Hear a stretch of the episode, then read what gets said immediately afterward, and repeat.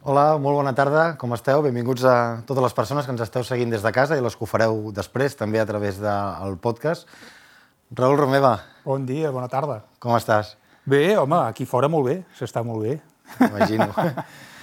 si et dic Sarajevo, què et ve? Què sents? Home, moltes coses. La veritat és que la, la primera i segurament la més important, Sarajevo, per mi va ser la gran vergonya d'Europa dels anys 90. Una vergonya en el sentit que eh, era una ciutat eh, absolutament eh, diversa, plural, plena de vida, cosmopolita en el bon sentit del terme, i va ser la, la deixadesa d'Europa la que va permetre que el feixisme, en aquell cas el feixisme encapçalat per Milosevic, però no només, sinó totes les seves derivades també dins, de, eh, dins del que llavors era eh, diguem, una república iugoslava, que era eh, Bòsnia-Herzegovina, eh, es va acabar imposant.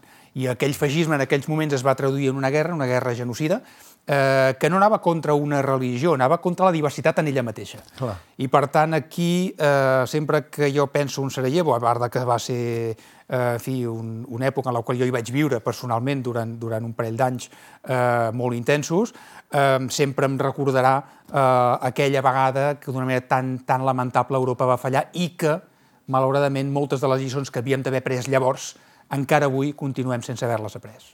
Clar, va fallar, per, per qui no conegui o no recordi com ben bé el context, del 91 al 94 pràcticament un setge a Sarajevo, Correcte. no només eh, va ser atacada la població de Sarajevo, sinó els bosníacs d'arreu de, de, del país, però un setge del 91 al 94 en, en la qual Europa eh, i el món sencer, podríem dir, i, sí, sí. donava l'esquena fins pràcticament hauria ser la, la vergonya, no? la matança d'Esbrenica, Sí, sí. eh, que potser va despertar una mica més... El 95, sí, sí, de l'estiu del 95, juliol del 95.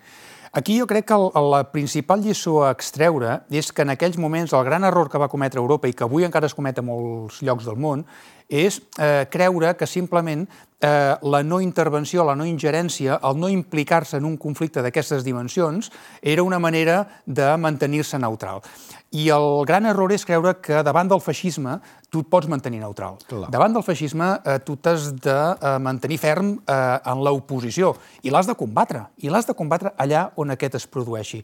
I el que ens vam trobar és amb un règim que en aquells moments eh, eh, era el iugoslau, perquè des d'aquell moment, eh, en fi, quan, quan Tito va morir, eh, diguem, la cosa va derivar, però qui encapçalava aquesta deriva, eh, diguem, eh, totalitarista, que era Slobodan Milosevic, va veure d'una manera bastant complaent el silenci d'Europa. I el va aprofitar, i el va aprofitar tant com va poder. Aquest mateix silenci que va permetre que passés allò als anys 90 a, a Sarajevo i en, re- en realitat a tota Bòsnia i Herzegovina, avui l'estem veient a molts altres llocs del món.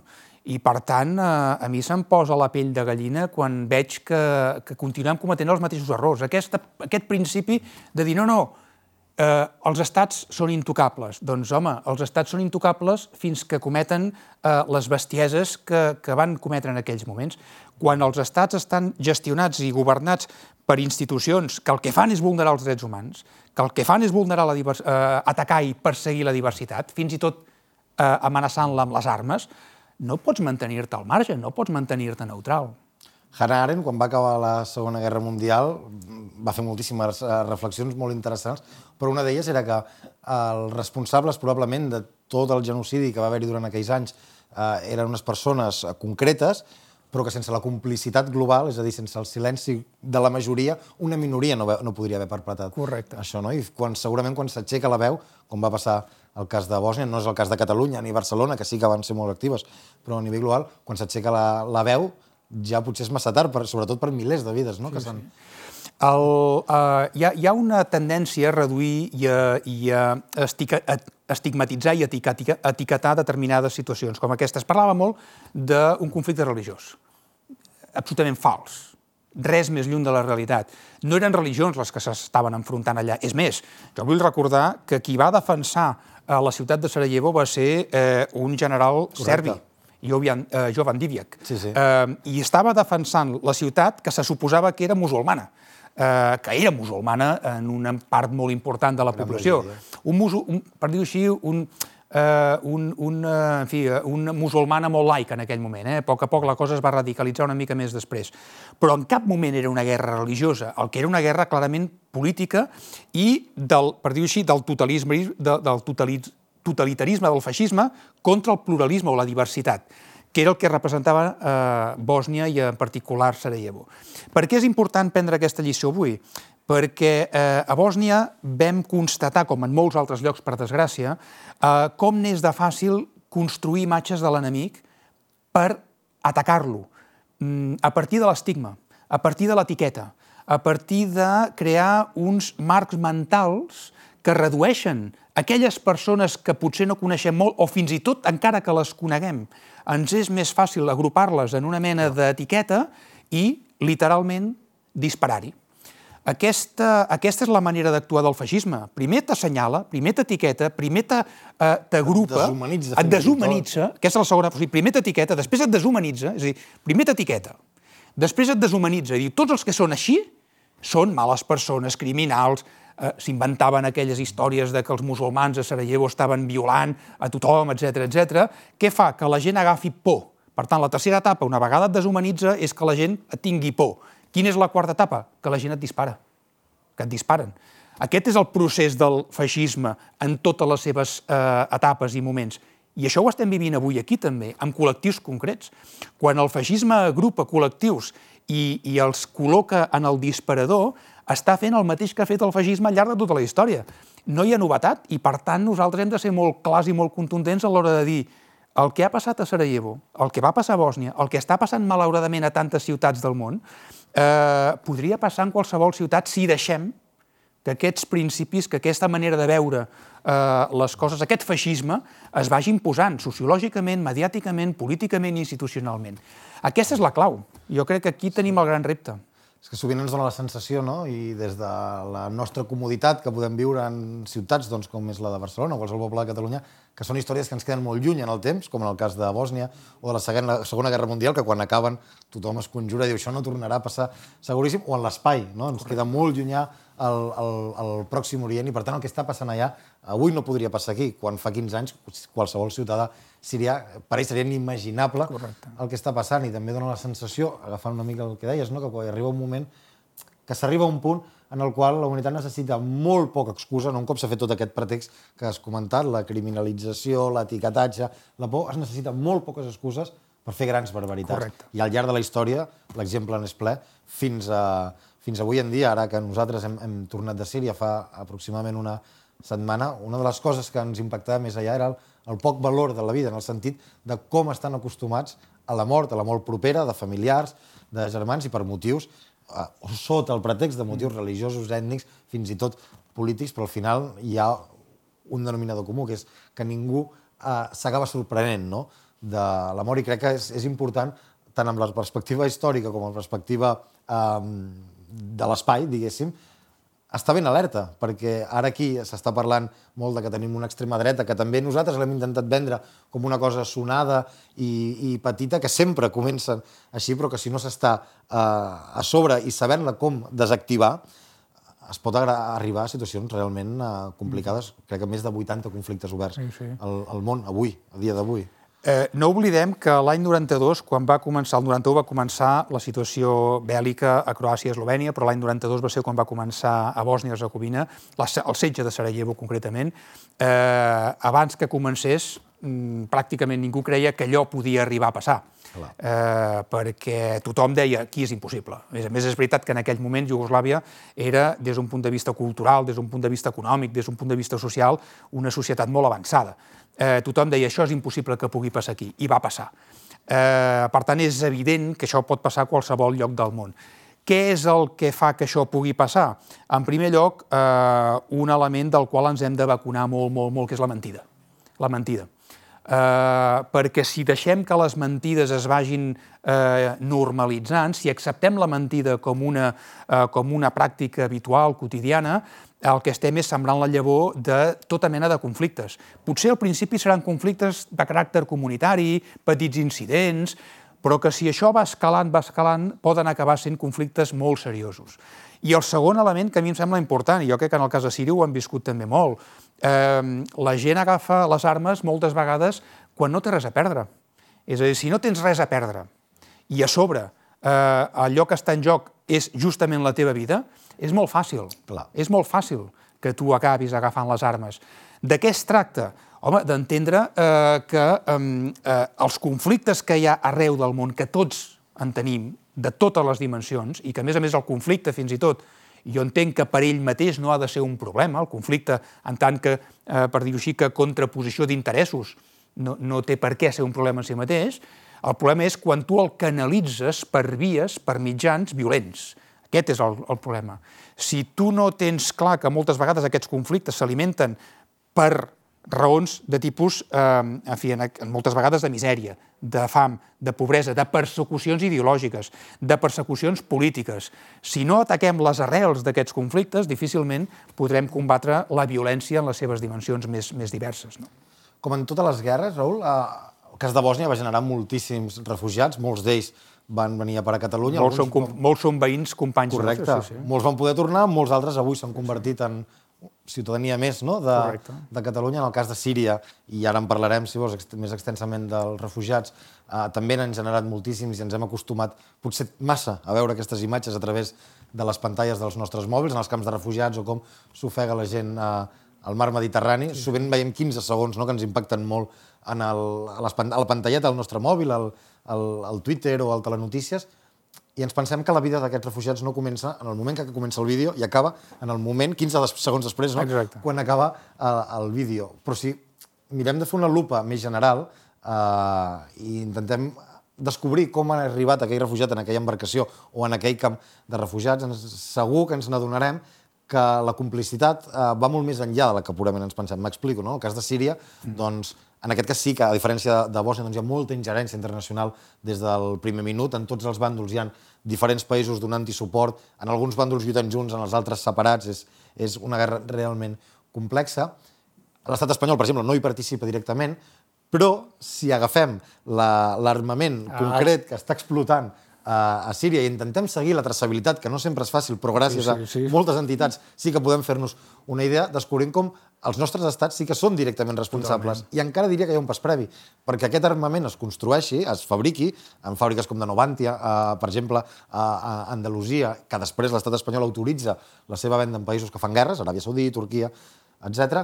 Doncs, i per tant mirem com es fabriquen, qui finança aquest, aquest, aquesta manufacturació de, de l'armament, veurem que, per exemple, estan la majoria dels bancs, a la qual segur que tots nosaltres i la gent que ens està veient des de casa doncs, té els diners. La gran banca, des de la CaixaBank fins a BBVA, Santander, tots financen o, o donen crèdit o participen en accions directament d'aquestes empreses. Per tant, seguir tota aquesta traçabilitat de l'armament, la prèvia, no? fins a arribar als 15 segons que nosaltres veiem i ens impacten i, i ens dolen eh, quan veiem el vídeo a Twitter, també crec que és una de les grans feines, no? quan molta gent pengem imatges, no? o quan estem per Síria, o en un camp de refugiats, què puc fer per ajudar? A vegades, més que ajudar, potser el que podem fer és prevenir. I, i, i prendre consciència. Jo, que és molt important això que has dit perquè de vegades eh, oblidem eh, que podem fer moltes coses i justament el tema del comerç d'armes eh, avui tenim una situació que és fruit d'aquesta determinació de molta gent. Avui podem saber quins països venen quines armes a on, gràcies a que en un moment, justament als anys 90, justament el, el, en aquells moments en què hi havia també el, el, la guerra de, de, de Bòsnia, dels Balcans en general, eh, va haver-hi eh, una sèrie d'entitats, d'ONGs, eh, que en aquells moments eren Greenpeace, Amnistia Internacional, Intermón, eh, Oxfam eh, i Metges Sense Fronteres, que es van ajuntar en un primer moment, que després s'hi van ajuntar també d'altres, en una campanya que es deia Hi ha secrets que maten, hay secretos que maten. L'objectiu era aparentment molt, molt, molt naïf, molt tonto, que era aconseguir que les actes d'allò que es coneix com la Junta Interministerial de Material de Defensa i de Doble Ús, que era... GIMDO. La GIMDO, la GIMDO, que és l'òrgan interministerial en el qual es discuteixen els contractes d'armament, aquestes actes fins llavors eren secretes. Eren secretes perquè, òbviament, com que era un tema de seguretat nacional i un tema d'estat, aquí ningú ho publicava. I a molta gent li semblava bé, això. Per una llei franquista, de l'any... Totalment, no, no. La final del franquisme, que permetia això, el secret d'estat. El problema és que molta gent això li semblava bé, fins que molta gent va dir, prou, es va començar una campanya i en aquell moment jo recordo un debat d'alguna gent que deia home, però és que esclar, fer una campanya aquí per demanar la transparència del comerç d'armes, sembla que estigueu legitimant el comerç d'armes. Compte, Òbviament, l'objectiu és acabar amb el comerç d'armes, però tu no pots combatre allò que no coneixes. Clar. Per tant, la primera premissa, la primera norma, el primer que cal fer és saber on van aquestes armes i qui les ha venudes.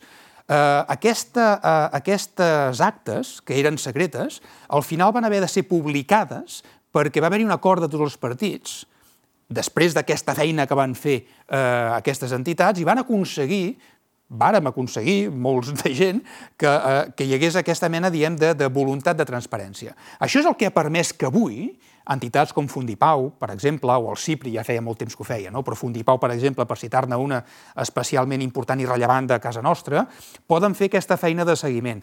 Eh, de fet, el que fan és agafar també eh, una feina que, que durant molts anys va fer en Vicenç Fises, que era justament el coordinador d'aquesta campanya. Per què explico això? Perquè moltes vegades eh, la gent té tendència a lamentar-se. Eh, I la pregunta és, molt bé, tot això no ens agrada, però més enllà de fer un tuit, més enllà d'explicar eh, en un comentari més o menys, eh, més o menys eh, fi, ingeniós eh, que això que tu estàs veient no t'agrada, què més estàs fent? I aquí és on jo crec que tenim una eh, doble responsabilitat. La primera, tu deies molt bé, prendre consciència. Prendre consciència no vol dir prendre consciència del que està passant, que també, sinó prendre consciència de la teva responsabilitat sobre allò que està passant. Si tu ets conscient d'allò que tu pots fer, i una de les coses que pots fer és evitar que aquestes armes acabin en aquests països, com a mínim diràs, escolta, jo tinc una responsabilitat. Com es fa això? Mm, votant aquells partits que clarament suposen això. No és un tema menor, evidentment que sí. No tots els partits estan en la mateixa posició a l'hora d'acceptar o no aquest tipus de pràctiques. I dues, a mi em sembla també encara més important. Eh, prendre consciència vol dir també assumir que tot allò que tu fas aquí té impacte al món. És a dir, quan jo parlo de la república, quan molta gent com nosaltres defensem la república catalana, no ho fem justament amb una vocació de preocupar-nos pel benestar de la nostra gent, al revés. Ho fem amb la voluntat que les eines d'aquesta república puguin estar al servei de les necessitats globals, universals, del bé comú perquè justament el que, el que volem, el que ens mou a molta gent a defensar aquest projecte, la república, la república eh, catalana en aquest sentit, és que volem tenir les eines per anar pel món dient, escolti, això no ens agrada i a més a més volem estar en els fòrums on es discuteix això amb veu pròpia eh, i volem dir clarament que nosaltres no acceptarem i no volem acceptar aquest tipus de pràctiques i de polítiques eh, internacionals. Això és el que nosaltres demanem. Ho dic perquè tornant a la mentida, eh, hi ha una tendència a vendre el projecte republicà com justament el contrari del que és. I no és menor, no és menor. Aquesta intencionalitat té un objectiu, que és Totalment. estigmatitzar aquells que volem això. Per tant, hem d'explicar molt bé, també a la gent que potser dubta, per què volem. Volem per evitar que passin coses com les que hem hagut de lamentar i estem lamentant avui encara i com en les que sense voler-ho o, o, o sense fins i tot saber-ho hi haguem participat, no? Ara comentes que som responsables, o en quina part d'aquesta roda, sense saber-ho molt sovint, no? Exacte. Som responsables perquè potser algú de, la, de les persones que ens està veient ara mateix estan entrant al Google a veure si el seu banc acaba eh, finançant aquest armament, el que ens fa alhora eh, responsables però també víctimes no? de tot aquest sistema, per tant, a la ciutadania la posició comuna, número dos, en aquest sentit de la Unió Europea, sí. el que diu és que no pots vendre armament a països que estan en conflictes oberts, eh, actius, ara mateix. Tot i això, l'estat espanyol segueix venent, per exemple, l'Aràbia Saudita, que està fent la guerra fa molts anys al Iemen, que participa directament de la guerra de Síria, que està acreditat que finança o que ven armament a un euro l'arma, és a dir, que regala armament a grups terroristes tipus Estat Islàmic, tipus uh, Al-Qaeda. L'estat espanyol és el, és el, crec que és el cinquè país que més armament se l'exporta. El tercer país que més armament exporta uh, l'estat espanyol és Turquia, que és un dels països més actius contra la població kurda, però també en conflictes directes, batalles directes, com la d'Alep, com la d'Oms, aquestes grans batalles que hem vist al llarg d'aquests anys. Ahir mirava les xifres, comentaves moltes entitats, em voldria comentar una altra, mm -hmm. el Centre de l'AS, Correcte. que, que porta Correcte. La, la, ha impulsat aquesta sí, campanya sí, sí. a la banca armada, que recomano a tothom que hi entri perquè està molt ben Correcte. explicada tota aquesta traçabilitat. I mirant-me una mica i les dades, vaig veure, no sé si és coincidència o no, però les dades s'han de mirar, després tu les has d'interpretar, vaig veure que el 2011 l'estat espanyol havia portat 66 milions d'euros, no? en, havia en concepte, en valor, de 66 milions d'euros armament a Turquia. 2011, que és l'any que comença la guerra. 2019, que és l'últim any que hi ha dades, ara mateix, 131.000 milions d'euros. És a dir, aquest creixement durant el gran conflicte on ha participat Turquia per part de les exportacions d'armament espanyoles, no només en forma d'exportacions, perquè recordem que té eh, militars en aquella mateixa frontera, l'estat espanyol. Té missions com la missió Patriot, que ja només hi queda l'estat espanyol de tot el conjunt de la Unió Europea participant-hi, i per tant, no, la, la, el recolzament militar va directe, però també va a través de, de, de la venda d'armament, i en la qual ens fa responsables, evidentment, encara més responsables a, a tots, de totes les morts que estan havent-hi, però també de tots els refugiats que s'estan generant. Correcte. Ho dic per aquells discursos de moltíssimes persones que a vegades diuen bueno, el que heu de fer és cooperar uh, i que no marxi la gent de casa seva, amb tota la mala intenció, no?, de, que es quedin uh, allà, però és que a vegades potser no es tracta tant de cooperar, que també arriba un moment que ho has de fer, sinó del que dèiem abans, de, de prevenir, de, el que es podríem dir popularment, de treure les nostres brutes mans d'aquests territoris. El mateix passa en països africans que no estan en conflicte bèl·lic, com podria ser el cas del Senegal, que, fa, que hi ha moltíssimes persones que venen cap aquí del Senegal perquè no tenen eh, feina, diuen el que hem de fer és cooperar el Senegal. Bueno, potser el que hem de fer és revocar aquests acords pesquers, i parlo d'aquest perquè s'han comentat sí, molt sí. les últimes setmanes aquí, que permeten les grans pesqueres eh, europees i concretament a més espanyoles que estiguin arrasant amb tot el peix que hi ha a les costes del Senegal, també de Mauritània i del, i del Sàhara eh, occidental, que provoca que tantes persones, doncs el caiuco que els servia per pescar, ara només els acabi servint per arribar doncs, fins a Canàries mm. o, o fins a la península. Mira, ara que dius això, em va molt bé perquè t'explicaré una anècdota. Quan era diputat al Parlament Europeu, una de les coses que vaig poder fer va ser visitar el centre d'internament de persones estrangeres a Canàries. Eh, sabem que els centres d'internament són bàsicament presons presons eh, que tanquen gent que ni tan sols han estat jutjades, simplement pel fet d'aparentment haver comès un delicte que és no tenir uns papers considerats eh, reglamentaris en aquest, en aquest país. No? Però són presons, els hi pots dir com vulguis, ho pots, sí. ho pots titllar del que et doni la gana, són presons. Um, doncs, uh, quan era diputat, que òbviament quan ets diputat et dediques a fer aquestes coses, uh, uh, també uh, vaig voler anar amb un grup de diputats del Parlament Europeu, en aquell cas el grup verd, vam anar a veure el centre d'internament de, de Canàries. I allà vaig conèixer un noi senegalès. I casualment jo portava les comissions d'exteriors, però també portava la comissió de pesca. I no ho vaig fer per casualitat, combinar aquestes dues. I explicaré per què. Uh, aquest noi, que era senegalès, era un noi que era la tercera vegada que intentava venir que intentava arribar. De fet, havia arribat, però, tal com havia arribat, havia acabat el centre d'internament i, per tant, de poca cosa li havia servit. Però ell va jugar-se la vida, se l'havia jugat tres vegades, perquè cada vegada l'havien tornat i havia tornat. I la pregunta que li vaig fer és, paga la pena mm, tant sacrifici per, per també finalment saber que, acaba, que pots acabar aquí? I la seva resposta va ser, és que no tinc alternativa. Eh, la seva explicació és molt senzilla. Família de pescadors. Ells vivien, els seus pares, els seus avis, vivien de la pesca que pescaven amb caiucos, és a dir, amb les seves barques tradicionals, sí. a la costa. Va arribar un moment que van començar a baixar totes les flotes europees, bàsicament espanyoles, bàsicament espanyoles, subvencionades amb diner públic espanyol i europeu, que el que feien, òbviament, perquè tenien una gran capacitat de recol·lecció, de gran capacitat de, de, de pesca, arrasaven amb tot el que quedava allà. De manera que... Eh, el... fins i tot el sol marí. Sí, sí, sí, tot. Sí, sí. Són arrossegadors que ho, ho esquilmen tot.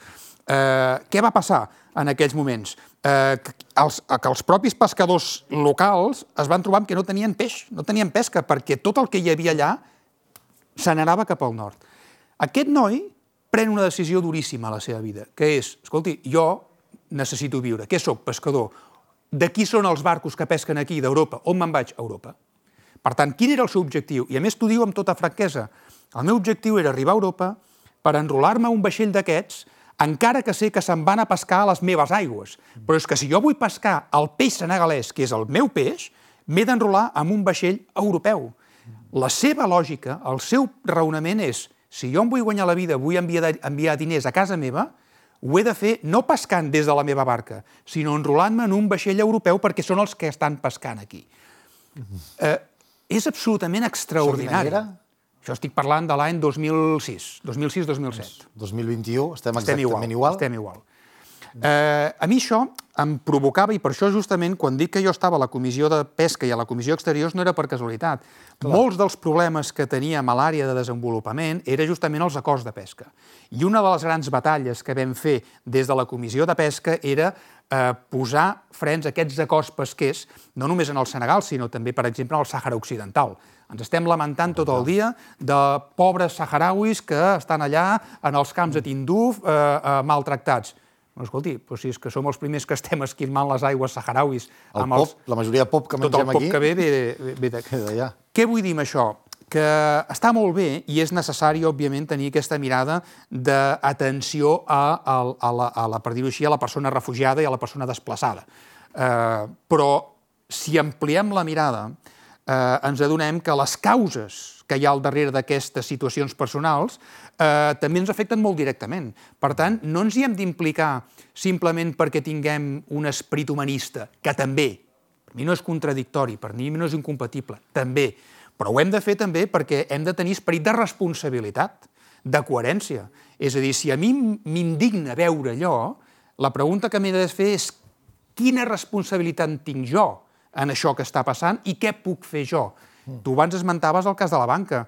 Jo crec que hi ha en tots els sectors, també en el cas de la banca, hi ha esforços molt grans per revertir aquesta situació. La banca ètica, eh, hi ha bancs que realment, eh, no només en un esforç de transparència, sinó de compromís social, estan intentant canviar les dinàmiques. Hi ha alternatives. Hi ha alternatives. Hi ha alternatives. I si no hi són, es poden okay. construir. És a dir, que no hi hagi alternatives no vol dir que no hi puguin ser. Si no hi són, el que vol dir simplement és que ningú hi ha pensat o les ha sabut sí. construir. Les que hi són s'han de potenciar, s'han de magnificar, les que no hi són s'han de construir. Allà a Canàries hi vam ser fa també aproximadament un, un mes, un mes i mig, eh, que de fet vam fer una xerrada també després justament aquí, i una de les coses que més en, en, ens va impactar era la semblança que hi trobàvem amb la situació de Lesbos, a la qual hi havíem estat sí. aproximadament dues setmanes abans. I en una d'aquestes semblances Eh, percebíem molt eh, tot un calentament eh, ciutadà que nosaltres, bueno, nosaltres no, no li vam posar aquest nom perquè és global, però ho vam definir així com el pobres contra pobres. No? Galeano tenia una frase que venia a dir que la pobresa, pobres contra pobres, eh, nada nuevo, la pobreza es, de, es una manta demasiado corta i tot el mundo tira hacia lado. Hacia lado.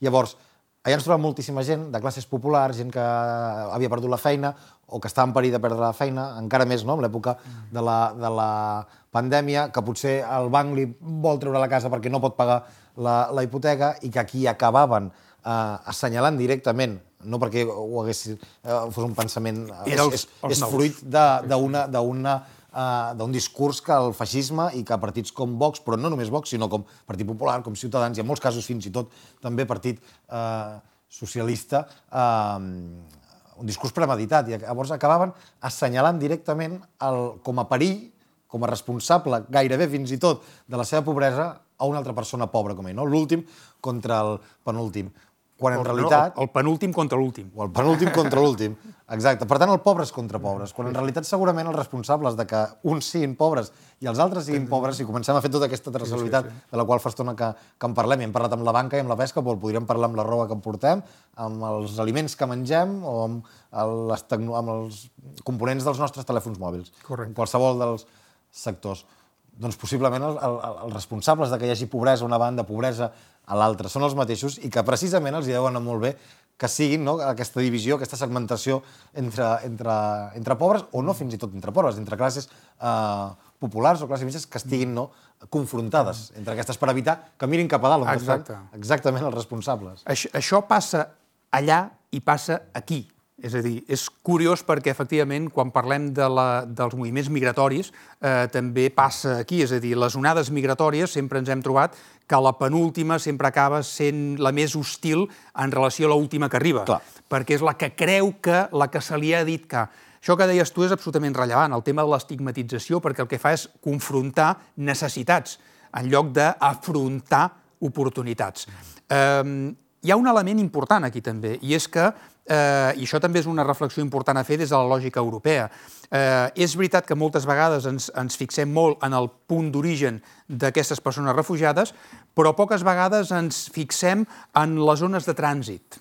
I les zones de trànsit són especialment vulnerables, moltes vegades, justament perquè són aquests, eh, aquests portals, aquestes avançales de la, de la Unió Europea, que al final acaben eh, agrupant i concentrant una gran quantitat de persones amb moltes necessitats. Lesbos, en tot cas, forma part d'Europa, però relativament, perquè és veritat que geogràficament i políticament ho és, però a l'hora de la veritat Europa se n'ha desentès. Ha dit, escolta, això... la presó d'Europa. Clar, no. això, és, això és un problema de Grècia, això és un problema, sí. ja us ho fareu.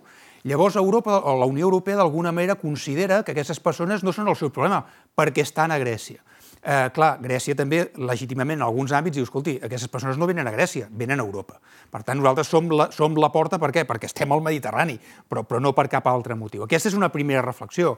Per tant, jo crec que des d'una lògica europea el que hem d'entendre és que la responsabilitat d'atendre, de donar resposta, de donar solució a aquest, a aquest drama humanitari no és una responsabilitat dels països del sud, dels països mediterranis, és una responsabilitat de tota la Unió Europea. Això és una primera qüestió. Però quan sortim de la Unió Europea hi ha una altra realitat, per exemple, el cas de Líban.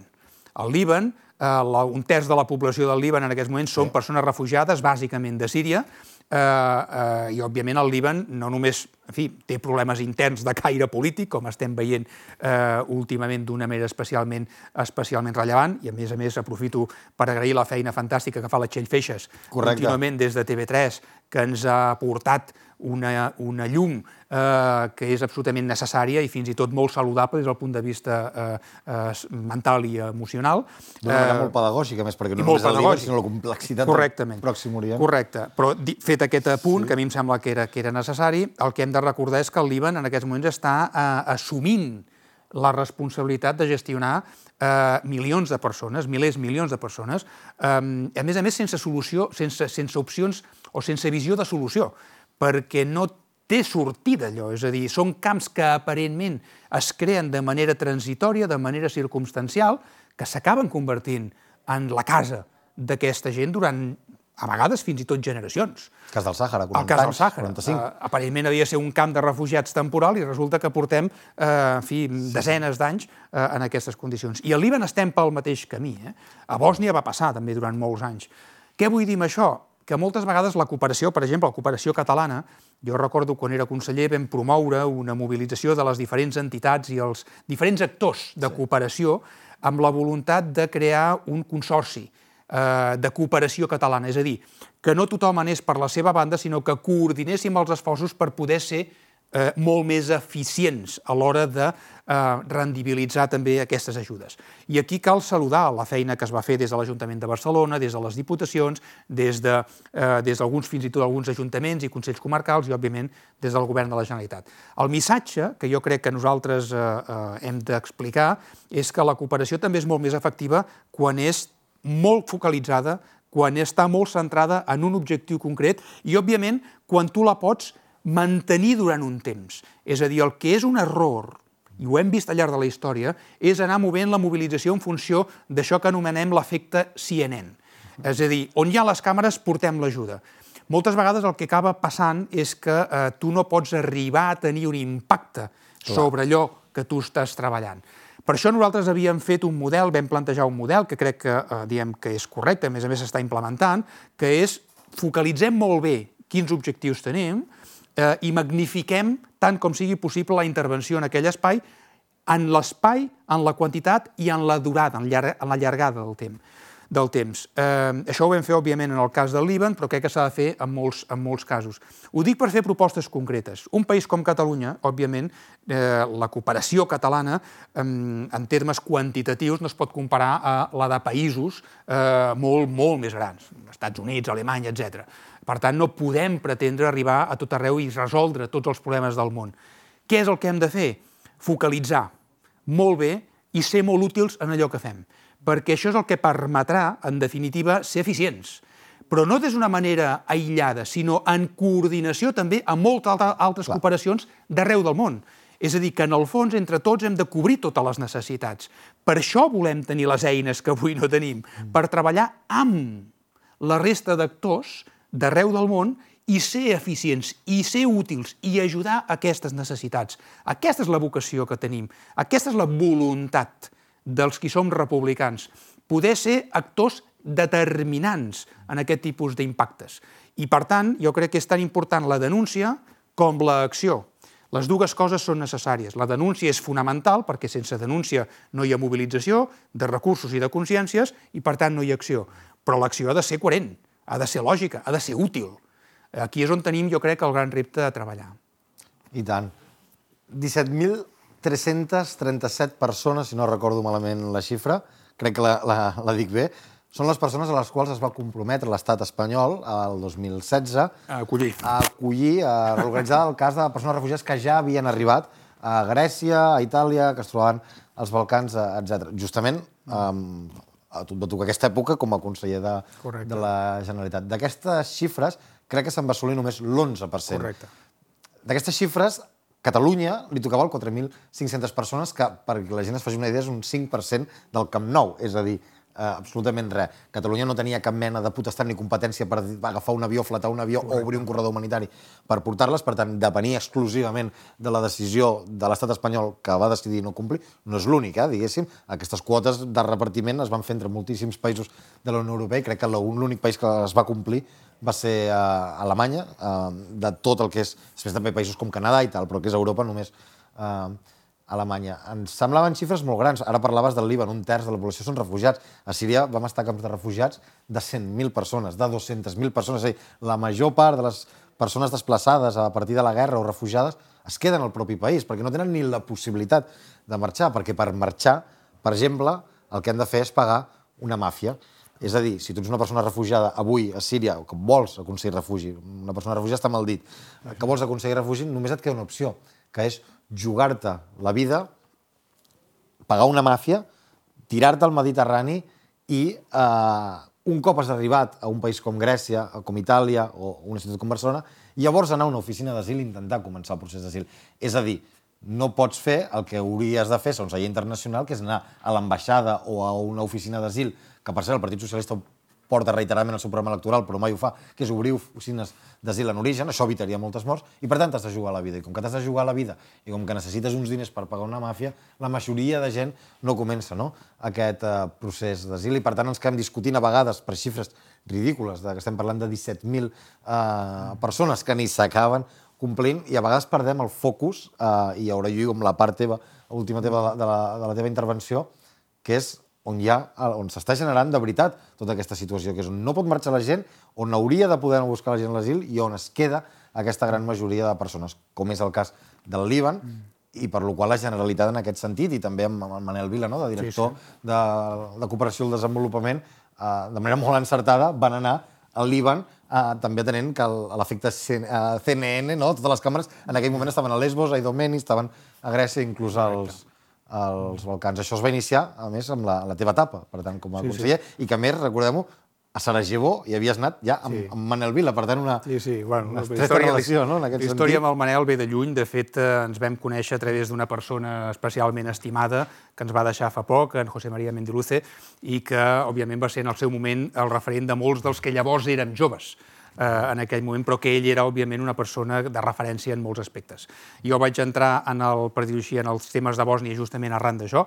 Recordo especialment eh, amb afecte i, i, i, i, i enorme orgull la campanya Catalunya per Bòsnia, que va ser una mobilització extraordinària, fins i tot en termes comparatius a, a, a la resta d'Europa, però és que tampoc no va ser una excepció, és a dir, Catalunya ha estat sempre una societat extraordinàriament mobilitzada a l'hora d'atendre a determinades situacions. Potser, sempre ho hem comentat moltes vegades, no? potser el fet de ser una terra, un país eh, d'exili, un país de refugiats al llarg de la seva pròpia història, ens fa tenir més empatia eh, cap a la gent que avui ho pateix. I, de fet, avui, avui, que és el Dia Nacional de l'Exili i de la Deportació, és especialment rellevant recordar-ho. Per, perdó, perquè, perquè eh, Catalunya, per dir-ho així, mm, fi, té una història, té una motxilla, té una memòria, eh, i, òbviament, quan veu altra gent que pateix el mateix, eh, se li ha, de, se li ha també de, de, de, de reconèixer.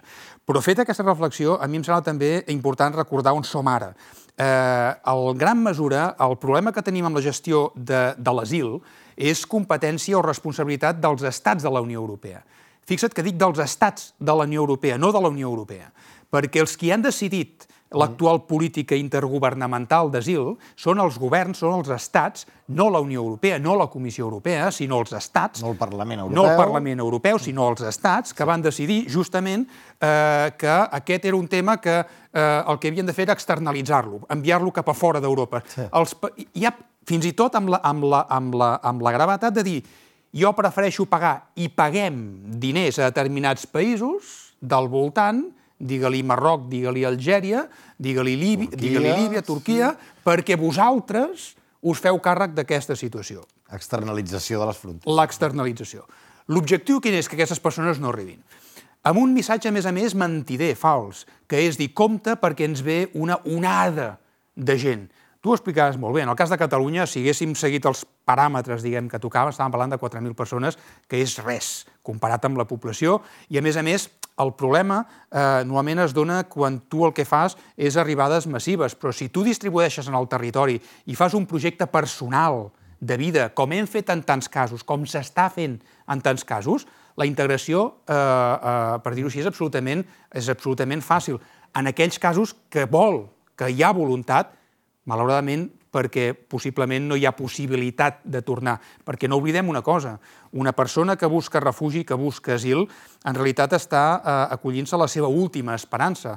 El que vol tothom, i és normal, és no haver de marxar de casa seva. Clar. És poder tornar i tenir l'expectativa de que en algun moment tu podràs tornar a casa teva. Per tant, aquest discurs fal·laç de dir és que aquesta gent vindran i ens faran fora de casa, això que fa l'extrema dreta, aquest populisme feixista que ve a dir compte que hi ha una invasió No de refugiats... no s'invaden. I ah, això és, primer que és mentida, Sí. és mentida, i això ho hem d'explicar. És faltar les dades, És, és, sí. és facti, fàcticament fals, però és que, a més a més, és irresponsable, perquè si algú creu que es poden posar murs al mar, eh, murs als moviments de persones, és un il·lús, és un ingenu, és impossible.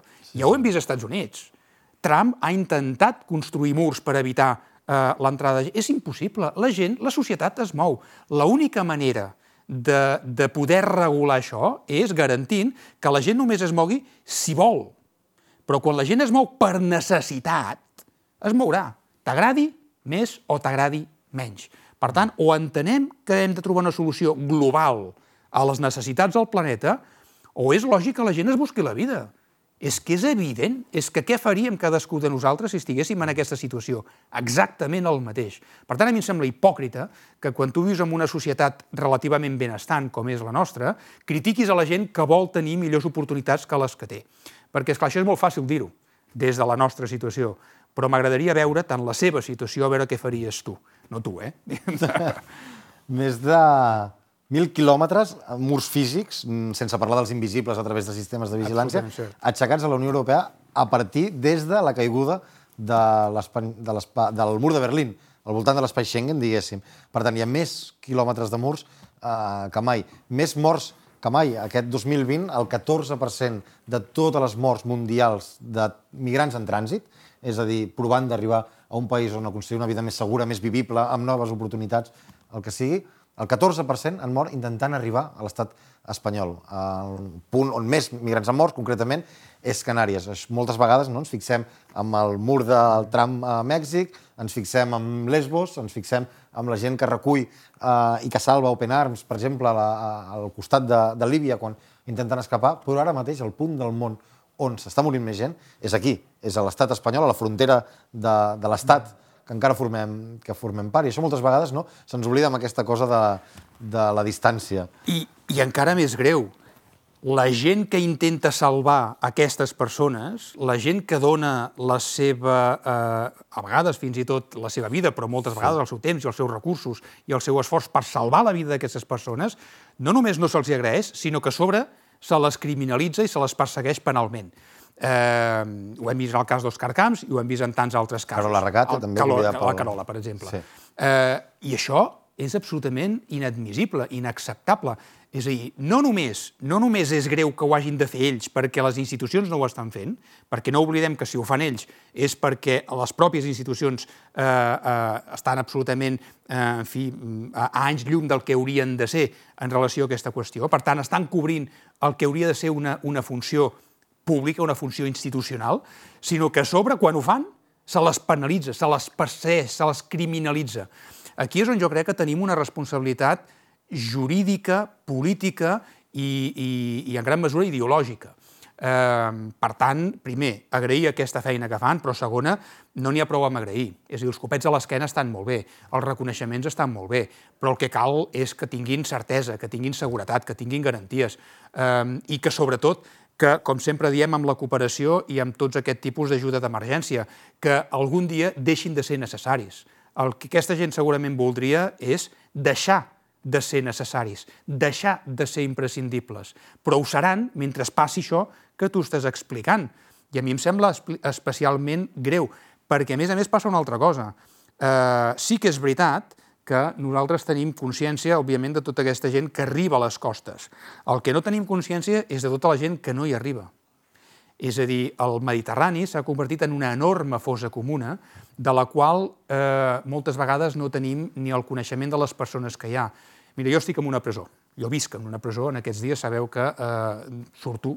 Ara hi tornaràs, quan acabem Ara, això, quan acabem això, bueno, avui no perquè és divendres, el cap de setmana en tercer grau ens ho permeten, però d'aquí el dilluns hi tornaré i d'aquí molt poc segurament hi tornarem a entrar.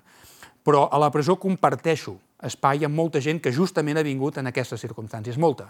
Quan dic molta, és molta, eh? Sí. De molts països. De molts països. De Gàmbia, del Senegal, alguns són de Nigèria, alguns són de, de Mali, eh, de, de molts països eh, tots són absolutament, eh, des d'un punt de vista humà, persones absolutament extraordinàries, que simplement han tingut unes circumstàncies adverses, unes circumstàncies hostils, que primer s'han jugat la vida. L'altre dia un, un noi marroquí m'explicava d'una manera bastant colpidora com va entrar eh, sota els baixos d'un camió aquesta persona, quan va arribar aquí pensant que arribava al paradís, es va trobar amb una situació absolutament hostil a tots els nivells. Eh, I sí, va, va, va començar a robar aquesta persona perquè ho va dir, diu, no perquè volgués, no perquè jo no havia fet mai això, però és que, és que senzillament em moria de gana, és que tenia gana, és que tinc gana. Eh, I és una persona que, òbviament, en unes altres circumstàncies no hagués fet això. Mai a la vida. Mai a la vida. Per tant, la pregunta és, aquesta persona és dolenta? i per això l'hem de tancar a la presó i per això l'hem d'expulsar del país? O aquesta persona ha tingut unes dificultats, eh, unes circumstàncies nefastes que l'han portat a fer això. Si hagués tingut una altra situació, avui estaria a la presó aquesta persona? Doncs possiblement no. Ni ella ni moltes de les persones amb les quals avui hem de, hem de, hem de tractar també a la presó. I això és important que ho entenguem. És a dir, eh, no vol dir que la gent quan fa coses eh, mal, mal fetes les haguem de permetre, sinó que el que hem d'entendre és les causes que hi ha al darrere de Clar. tot plegat.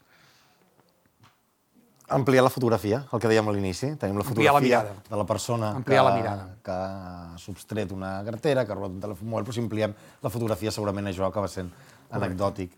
Raül, eh, quan parlaves de la gran campanya no, que es va fer des de Catalunya, des de Barcelona, des de tants altres ajuntaments per Bòsnia, que, que parlaves eh, amb orgull, mm, també contrasta o combina amb l'orgull de quan vas a Bòsnia, jo he anat per fortuna unes quantes vegades, i quan et pregunten d'on ets i els dius que vens de Catalunya o que vens de, de Barcelona, se'ls hi posa automàticament un somriure a la, a la cara. Catalunya va fer una gran feina al seu conjunt. Llavors, Catalunya, per exemple, amb el, quan es va plantejar no, la segona guerra del Golf, la guerra Iraq, pel, pel Bush fill, va fer aquella gran manifestació que eh, fins i tot crec que va sortir no? el, el propi president a dir no deixaré de fer la guerra perquè a Barcelona facin aquesta mobilització. Vam tenir, m'estic saltant moltíssimes lluites, però després vam tenir, volem acollir, obrint portades també a tot el món, dient com pot ser que mig milió de persones hagin sortit a defensar els drets d'unes persones a les quals ni coneixen. No? Normalment quan et manifestes és per defensar la vulneració dels teus drets, exacte, exacte. no per no la gent que no coneixes. I això, per tant, encara li posa més valor en aquestes mobilitzacions. T'ho dic tot això perquè sovint des de la societat catalana, i concretament no, des de l'independentisme, es reclama que el món ens miri, que Europa ens miri. La millor manera perquè el món ens miri no és tu primer mirar el món, no tu mirant el món no és la millor manera perquè el món també Jo crec que el millor missatge que podem explicar és eh, nosaltres volem ser una república eh, per poder ajudar, però sobretot el que hem de fer és no explicar-nos per demanar, sinó explicar-nos per oferir, explicar-nos per explicar també que tot allò que volem fer ho volem fer amb mirada global, amb mirada universal. eh, i a més a més amb mirada llarga. Eh, jo tinc en aquests moments l'orgull de, de treballar també amb una entitat que és City to City, Districte 11. eh, Districte 11, el que és la conseqüència del Districte 11, que va néixer justament l'any 92, de la mà de Pasqual Maragall, quan era alcalde de Barcelona, i òbviament encapçalada per Manel Vila, però que eh, aparentment eh, eh, diguem, és, és, és una entitat que no hauria d'existir, perquè un pot pensar, escolta, això fa molt de temps que va passar, i en canvi segueix sent necessari, avui, 25 anys després, recordar el que va passar a Bòsnia i treballar. L'efecte emocional és molt, és molt gran, però és justament aquesta constància, aquesta, aquesta presència permanent, aquesta presència constant, la que fa que aquesta solidaritat sigui útil. Això és el que volem fer eh, com a república també arreu del món. No només es tracta de demanar, de fet, no es tracta de demanar, es tracta d'oferir. Nosaltres volem ser una república perquè volem ajudar, perquè volem ser útils, perquè volem contribuir a que el món sigui millor.